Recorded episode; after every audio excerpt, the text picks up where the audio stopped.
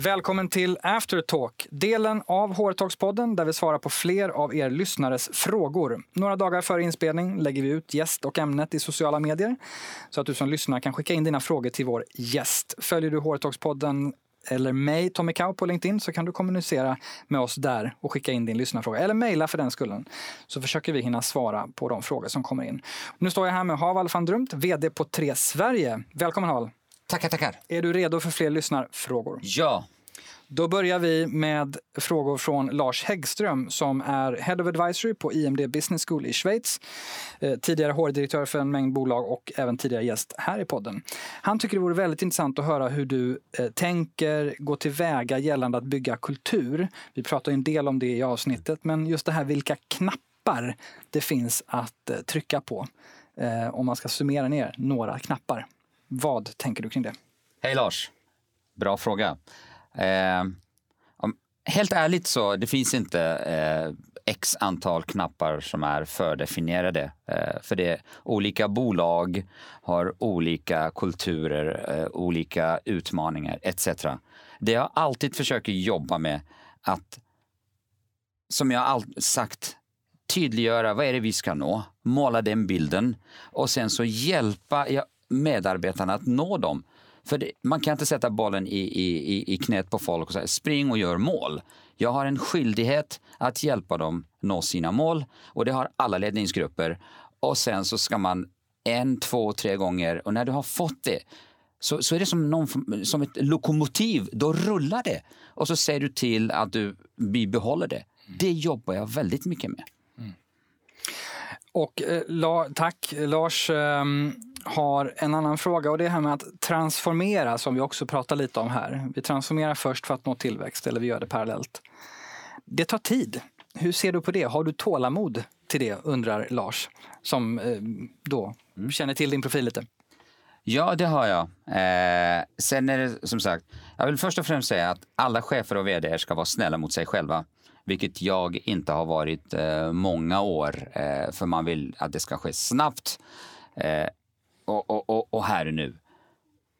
Och det kan funka med mindre organisationer och företag, men, men stora företag, det, det är som, som ett tåg. När du droppar eh, utmaningen eller, eller lösningen i första vagnen så tar det tid innan sista vagnen har fått det. Mm. Den tiden har jag, absolut. Sen, sen har man inte hur mycket tid som helst, men, men det, det måste vara rimligt. Och på det här temat också med tid så undrar Lars, hur du balanserar det kortsiktiga, det är verkligen en uppföljning på det vi pratar om. Hur balanserar du det kortsiktiga som du måste hantera med liksom sprinta, resultat per vecka, du ska skicka dina mejl som ska ha resultat, du har möten. Och det mer långsiktiga som är den kulturella transformationen, liksom tillbaka till tillväxt och så vidare. Den där balansen är inte helt lätt. Den balansen är inte helt lätt och jag är osäker om jag svarar rätt på den frågan. Men för vår del, och jag har alltid jobbat så att någonstans behöver du ha ett gäng duktiga människor runt omkring dig där, där ni tillsammans ser eh, någonstans eh, mot horisonten. Mm. Några Likar. år fram eller lite längre fram? Ja, men lite, du, du, måste ändå ha ett par års sikt, även om, om jag jobbar på riktigt eh, med korta mål. Sen varje initiativ ska på något sätt berätta för mig hur det kommer hjälpa mig att nå det stora målet. Just det. Vi har x antal tydliga mål som är strategiska. Varje initiativ, varje projekt, varje erbjudande, varje portföljförändring så ska det taggas med syftet med att vi når dit. Just det. Så jobbar jag med. Och sen inom varje initiativ, kortsiktiga mål, uppföljningar, driv. Ja, mm. och de kortsiktiga målen eh, vill jag vara väldigt tydlig. Eh, det är inte bara för att jag vill ha det och jag har eh, kort stubin. Eh, det ryktet är ganska överdrivet vill jag säga det. Okej, då fick du chans att ja, jag tror, det. Ja, jag är övertygad att men vi vill se resultat av vårt arbete. Det, jag menar, det är en sak att bygga en tunnel mellan, under Alperna. Mm. Det tar tid. Men om du inte ser att du varje månad har kommit någon kilometer eh, närmare målet, det kommer inte funka. Därför så sätter vi att i år, 2020, ska vi ha gjort de här tre, fyra sakerna och varje månad ska vi ha uppfyllt de här boxarna. Mm. Och så jobbar vi med det och hackar vi ner till vecka. Du var inne på det i originalavsnittet också, att vi måste för guds skull fira mer. Exakt. Annars blir det svårt med det här långsiktiga. Vi går vidare till Boel Sjöstrand som är business och people-konsult, för detta vd, varit med och byggt Netlight Consulting bland annat. Hon tycker det är väldigt intressant hur du som vd använder HR i den här resan. Eh, som stödfunktion eller ledare? Frågetecken. Eller något där mittemellan? Frågetecken. Och sen har hon också en mer filosofisk fråga. Vems uppdrag du tycker att det är att skapa gott ledarskap? Det är allas uppdrag. Det börjar från mig, min ledningsgrupp, hur vi beter oss i korridorerna, vilket språk vi har med varandra, hur avslappnade vi är. Eh, det börjar därifrån. För folk tittar upp på en. Folk mm. gör exakt som du gör. Mm. Var säker på, oavsett vilken chefsroll du har, du har minst fem, sex personer beroende på team som, som sitter där och verkligen beundrar dig och vill vara som du. Mm. Och de kommer kopiera dig. Mm. Var väldigt försiktig med det. Mm. Och här är en supermöjlighet, tänker jag också, om jag får reflektera lite, att idag när vi som ledare har eh, jag vet, du är ju en del på olika sociala kanaler. Vi har mycket mer kommunikationskanaler idag som ledare. Att visa upp det som vi vill då att andra ska kopiera eller se upp till. Ja, men lite så är det, absolut. Det finns en anledning. Alla de här influencer eller chefer eh, har alla de här kanalerna. Mm. Det är klart att man vill sprida någon form av, av tänk, någon form av eh, beteende eller mm. arbetssätt. Mm. Så var väldigt försiktiga. Och det där börjar från högsta ledningsgruppen. Mm. No doubt och kompromissa inte med det. Och här är ett budskap tycker jag också till de som lyssnar att om man är i HR så gäller samma sak där. Uh, ofta tänker vi att de här kanalerna används av externa syften. Att, att vi är på sociala medier, på LinkedIn och så vidare för att vi ska attrahera talang och så vidare. Men minst lika viktigt att förmedla internt. Yes. Sen har vi eh, Helene Barnekow som vi pratade lite om tidigare som vd på Microsoft Sverige, tidigare på, på Telia där du eh, också var innan du kom tre, eh, till Tre och eh, ni känner varandra. Helene har också varit gäst i podden ska sägas. Hon undrar Haval, du har antagit dig nya utmaningar många gånger under din karriär och alltid drivit förändring. Vilka erfarenheter och learnings är dina viktigaste som du tar med dig in i ett vd-jobb med en stor förändringsagenda? Tack Helen. Eh, något eh, som jag och du har diskuterat eh, många gånger, det är att ha rätt människor runt omkring sig. Människor som tar uppdraget och resan på allvar. Människor som eh, vill vara med på den resan och framför allt folk som kan ge energi när vardagen inte går som, som man hade eh, tänkt sig eller planerat. Eh, det, det har varit väldigt viktigt för mig. Och precis som jag nämnde, många gånger är det väldigt lätt som vd har du alltid högsta ansvaret. Som vd ska du faktiskt facea de flesta problemen. Men man kan ju också vara lite snäll mot sig själv. Man kan mm. inte axla allas problem. Mm. Så eh, det korta svaret är rätt människor som köper in sig på resan. Mm och ger energi. Härligt. Ja, superviktig förutsättning för att orka driva förändring och kunna göra det. På temat förändring också så har vi en fråga från Karin Singmark som är rådgivare och författare bland annat inom kommunikation och ledarskap. Eh, släpper en bok nu som heter Maxa modet faktiskt. Och även gäst i den här podden. Hon undrar hur du skapar engagemang så att andra går igång på de målsättningarna som du har men som också man har eller får. Tack Karin. Eh, det är olika. Eh, engagemang eh, kommer när jag själv är engagerad i mina arbetsuppgifter. Engagemang kommer när jag engagerar mig i medarbetarnas vardag och utmaningar. Engagemang kommer också när när man sätter mål och når det och firar det tillsammans mm. så, så skapar jag det tillsammans med gänget.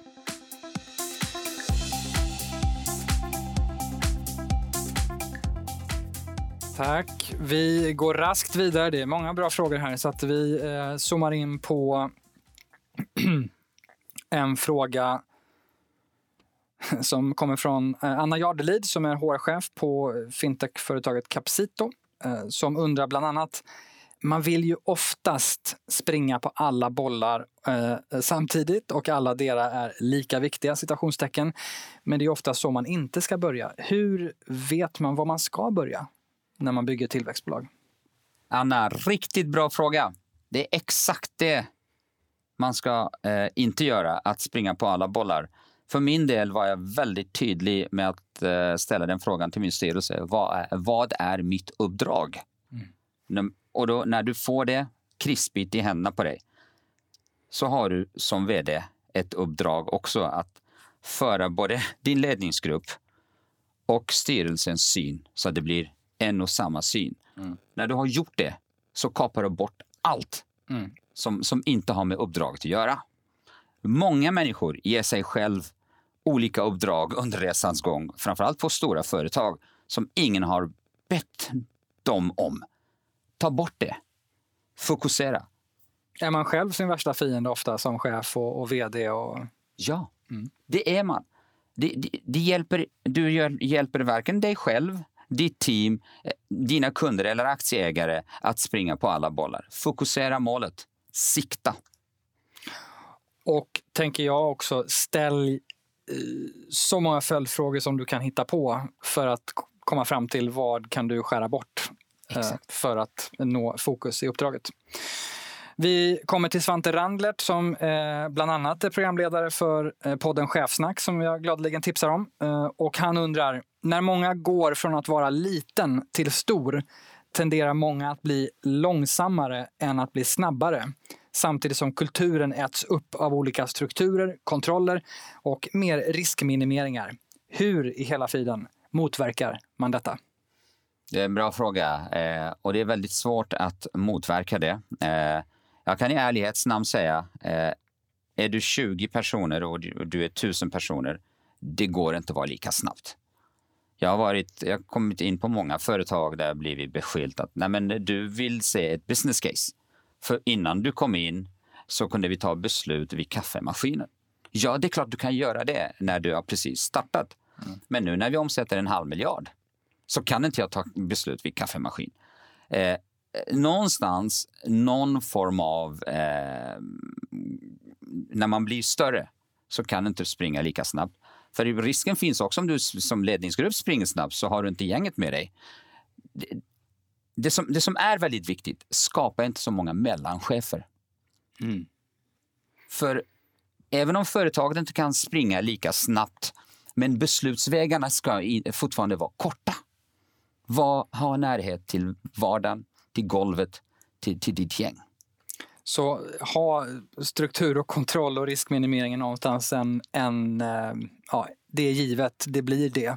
Men ett sätt att ändå jobba runt det är att eh, kapa antalet människor som behöver vara involverade i det. Absolut. Mm. Framförallt har jag min erfarenhet att när man är i tillväxtfas blir man väldigt fartblind att anställa folk.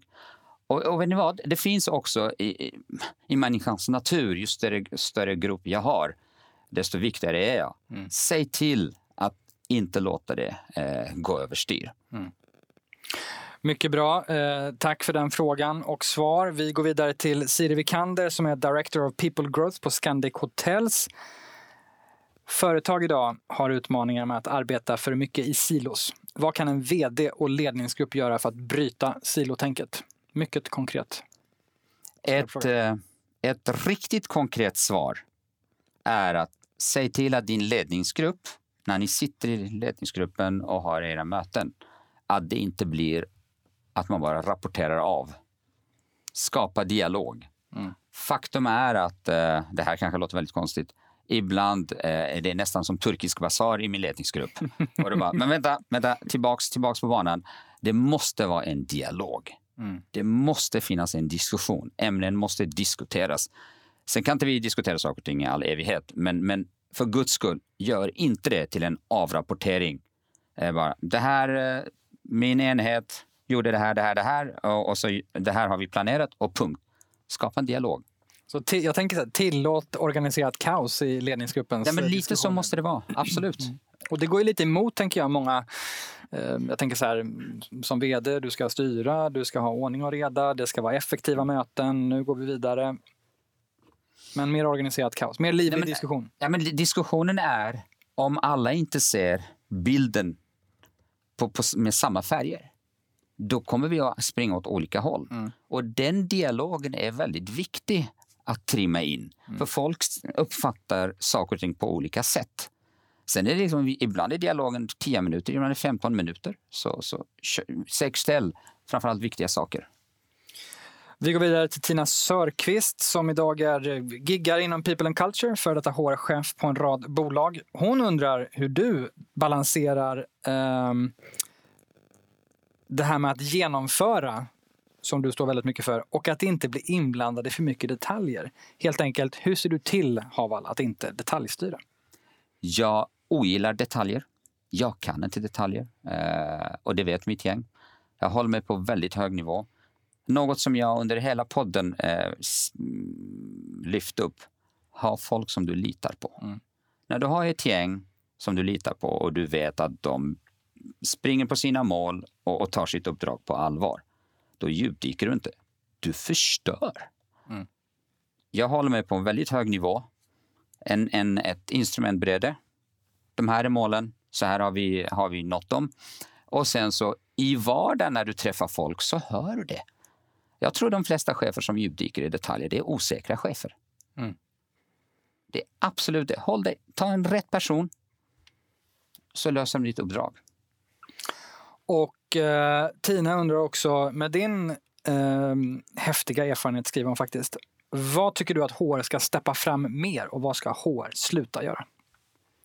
Finns det någonting du tänker på? Nej, inte spontant. Det, det, det jag nämnt, HR ska vara en del av verkligheten. Mm. HR ska veta vad målen är, utmaningen är. Mm. HR ska guida också att vi har rätt konstellation, rätt personer, rätt personkemi mm. inne i olika team. För det räcker inte att bara ta in riktigt duktiga människor. Mm. Tänk dig ett lag med elva Zlatan. Hur skulle det vara? Eh, den delen, eh, det korta svaret, var närvarande, var nära verkligheten. Vi eh, går vidare till Henrik Martin som är vd på Stardust Consulting som är nyfiken på utmaningarna du ser att bygga en tillväxtkultur. Det här har vi varit inne en del på. Mm. Så att vi fokuserar på det han pratar om, att tillvarata alla medarbetares innovationskraft och vad man behöver liksom mejsla för beteenden kopplat till, eh, till det. Hur ger du dig på det? Innovationskraft som en del i att bygga tillväxt såklart. Mm det, det, vi, eh, det vi diskuterade eh, lite kring att låt dina medarbetare våga utmana dig. Det är väldigt viktigt, för, för när de utmanar dig, då kommer de utmana saker som du... För, för ibland som både vd och, chef eh, har vi tendens, och det är väldigt eh, humant, bli kära i egna idéer. Innovation kommer att låta folk våga utmana dig komma med sina egna eh, tankar.